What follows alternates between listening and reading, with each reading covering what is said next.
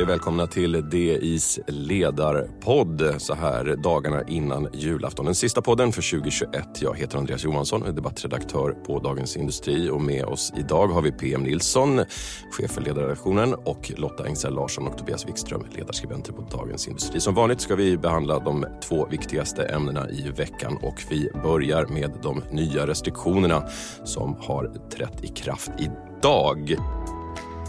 Livet skyddas inte av att stänga ner, skriver du idag på ledarsidan Lotta Engsell Larsson. Vad menar du? Nej, men eh, vi har ju konstaterat att när man isolerar människor, och så har vi inte haft det i Sverige men i många andra länder. Dels har ju folk börjat protestera, de accepterar inte det här längre. Eh, och, och sen så att, att var och en sitter instängd i en liten lägenhet och blir mer och mer deprimerad och, och affärs eh, kedjor och restauranger och kaféer. Allting stänger ner så ekonomin stannar. Det blir ju inte bra. Alltså, ekonomi spelar roll och isolering spelar roll. Och då måste, man måste vara, diskutera proportionalitet. Eh, och där tycker jag att vi har varit ganska bra, i, eller vi, regeringen har varit ganska bra i Sverige. Vi hade ju en, en jätte, jätte dålig start när det dog så många på äldreboenden. Eh, och det kanske det borde vi prata mer om eh, Idag WHO-chefen säger att det här är inte så farligt, det här är över nästa år. Men nästa pandemi, den, då måste, den kommer snart och den blir värre. Så vi kanske måste diskutera mer hur vi, hur vi sköter och har skött det här. Mm.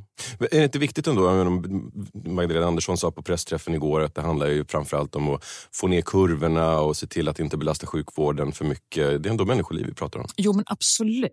Samtidigt så är det största problemet för, för åtminstone Sverige just nu, och det vet jag inte hur det är i andra länder, det är att den vanliga influensan har kört på med full hastighet. Och en vanlig influensa lägger ett normalt år så är 11 000 personer inlagda och strax under 700 dör. Det är ju långt färre döda än i, det har varit även efter en kraftig minskning i, i covid.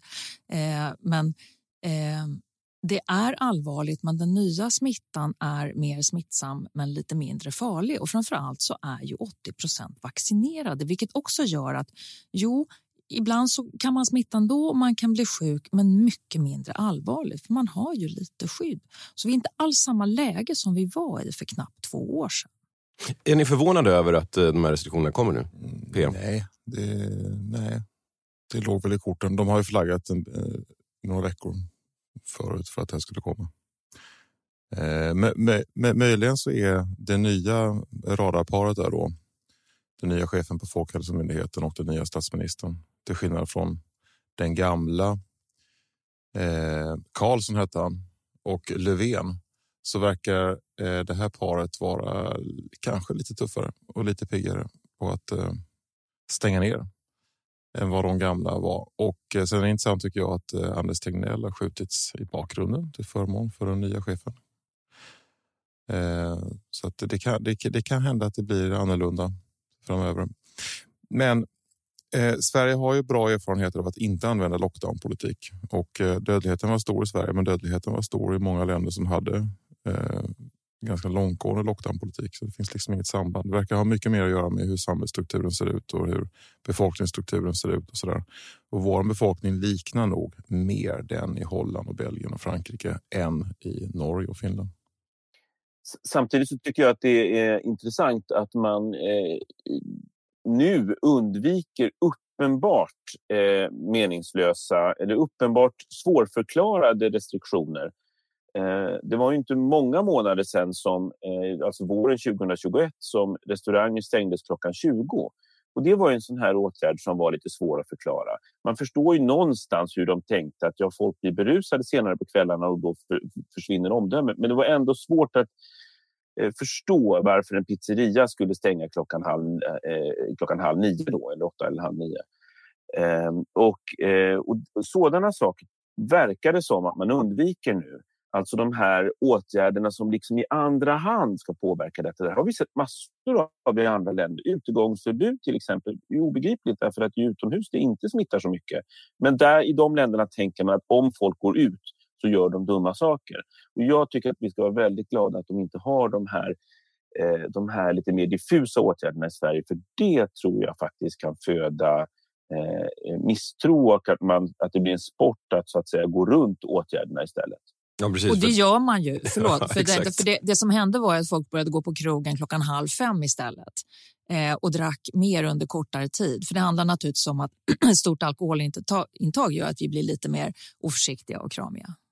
Exakt. Om man tittar på, då, vid sidan av åtgärderna, alltså, eh, restriktionerna så kommer regeringen också med ett antal åtgärder för att stötta eh, våra företag, i omställningsstödet och omsättningsstödet bland annat. Är det tillräckligt eh, för, för företagarna för att ta sig igenom de här nya restriktionerna? Otroligt svårbedömt tycker jag. Man, man hörde igår att det var många krögare som tyckte att det här var för snabbt. De, de kan inte planera på det här viset. Och det är en massa event som har sålt biljetter och eh, de skulle gå av stapeln nu och efter julhelgen och så där, så det kan man förstå. Men eh, jag, mitt allmänna intryck av de svenska stöden är att de har funkat ganska bra. Så det, har, det, har varit, det har varit en fungerande försäkringsmekanism. Hur länge kommer vi att se den här typen av nya åtgärder? Då? Så länge coronaviruset kommer vi att få leva med den här varianten i, i resten av våra liv.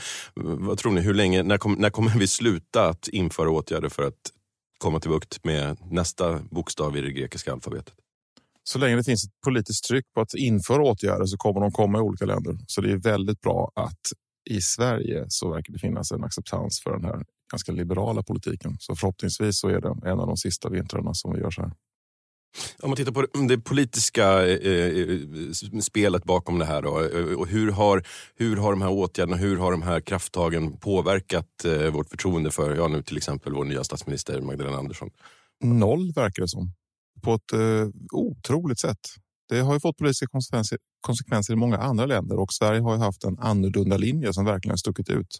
Men jag kan inte se att det finns någon förskjutning i opinionslandskapet som tyder på att det har med pandemin att göra. Och jag tror inte att den spelar roll överhuvudtaget i nästa val.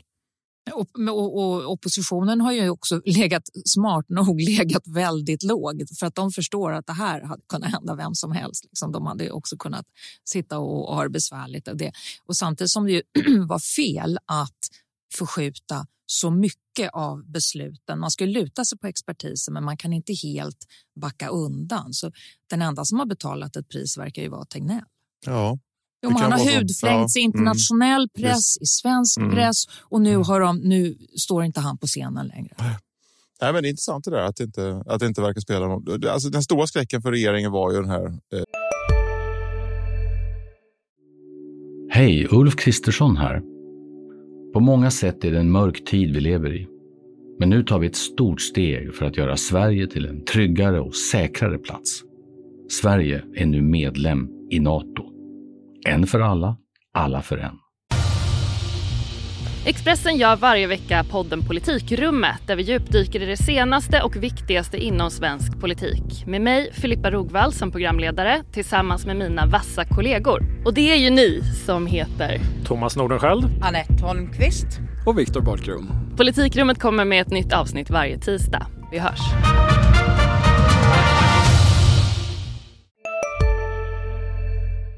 Ett, eh, jämförelse med tsunamin som var någon slags liknande katastrofhantering fast mycket kortare förlopp. Och där kom ju då tsunamikommissionen med en förödande kritik och den fick ju någon slags betydelse eh, för att eh, Göran Persson förlorade då 2006.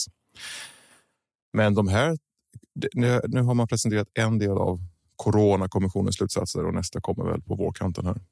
Men det verkar inte spela någon roll jag tror att det är väsensskilt ändå därför att det som hände med flodvågskommissionen och alla misstag i samband med tsunamin det handlade, ju om, det handlade ju uteslutande om att det var en statsapparat som inte fungerade. En, en, en, en, en krishantering som borde ha fungerat men som överhuvudtaget inte fungerade. Det var fax som kom bort och det var telefonväxlar som brakade ihop och så vidare. Eh, kritiken i, i, eh, när det gäller pandemin är ju på ett mycket mer sammansatt plan. Eh, och alla, eh, många är överens om att det här är en, ett svårt och komplext samhällsproblem som så att säga, man, ska, man ska ta sig an. Så att det finns ju inte de här specifika missgreppen.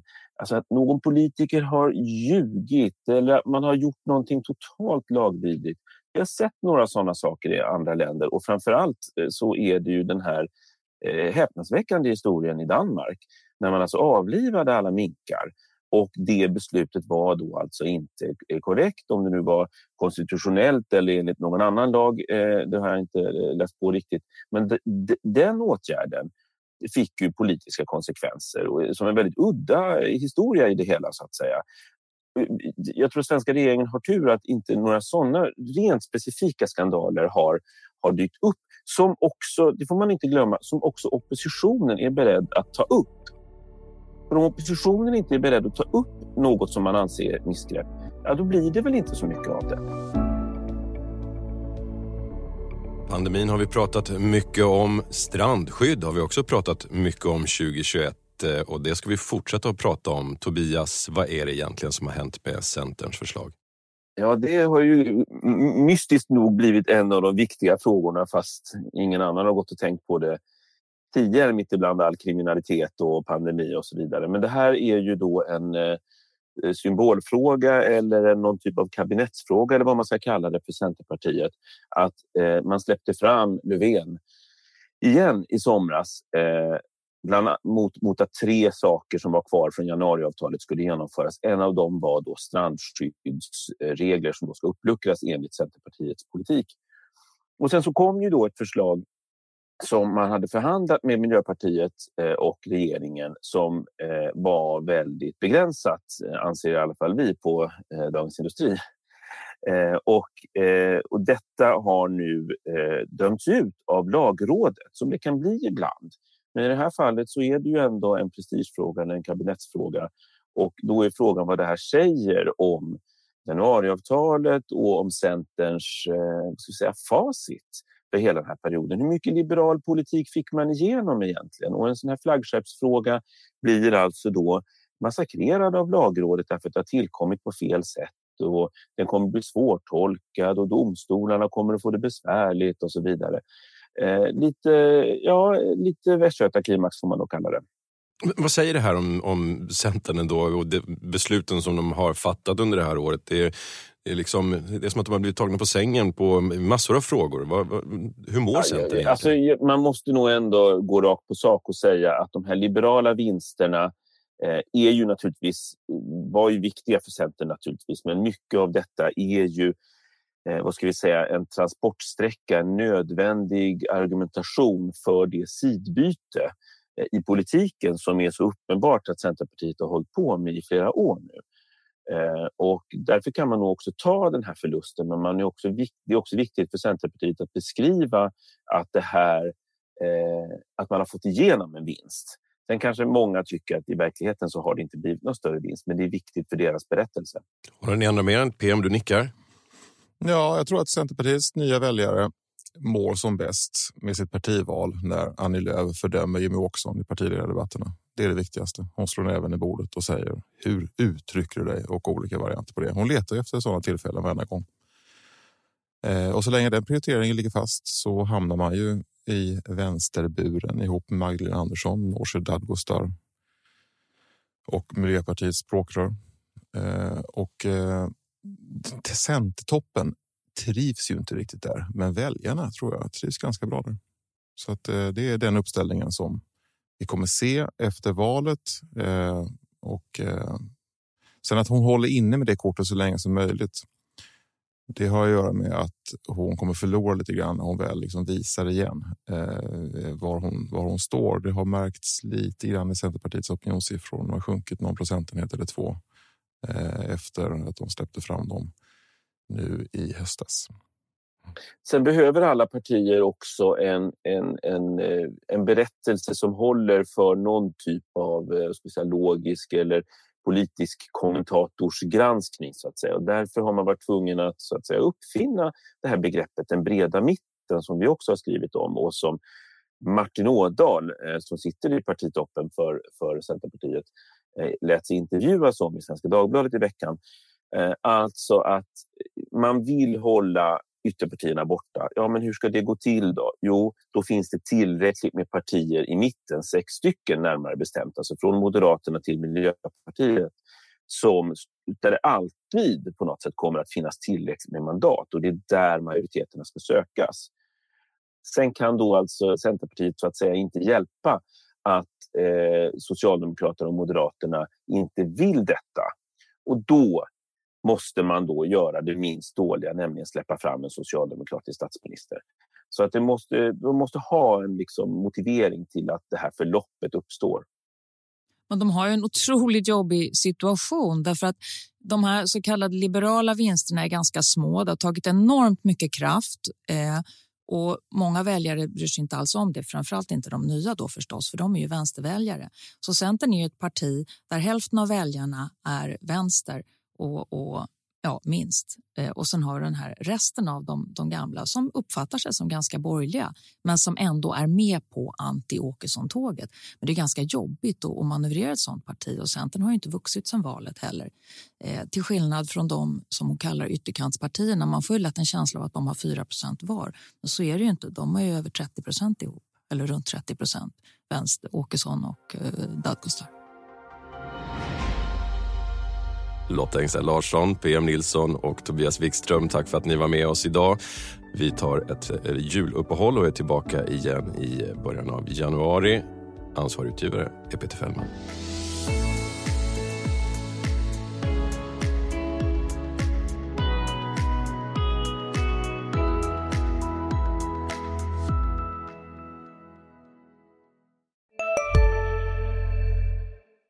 Vi är specialister på det vi gör precis som du. Därför försäkrar vi på Swedea bara småföretag, som ditt. För oss är små företag alltid större än stora och vår företagsförsäkring anpassar sig helt efter firmans förutsättningar. Gå in på swedea.se företag och jämför själv. Hej, Synoptik här. Hos oss får du hjälp med att ta hand om din ögonhälsa. Med vår synundersökning kan vi upptäcka både synförändringar och tecken på vanliga ögonsjukdomar. Tid på synoptik.se.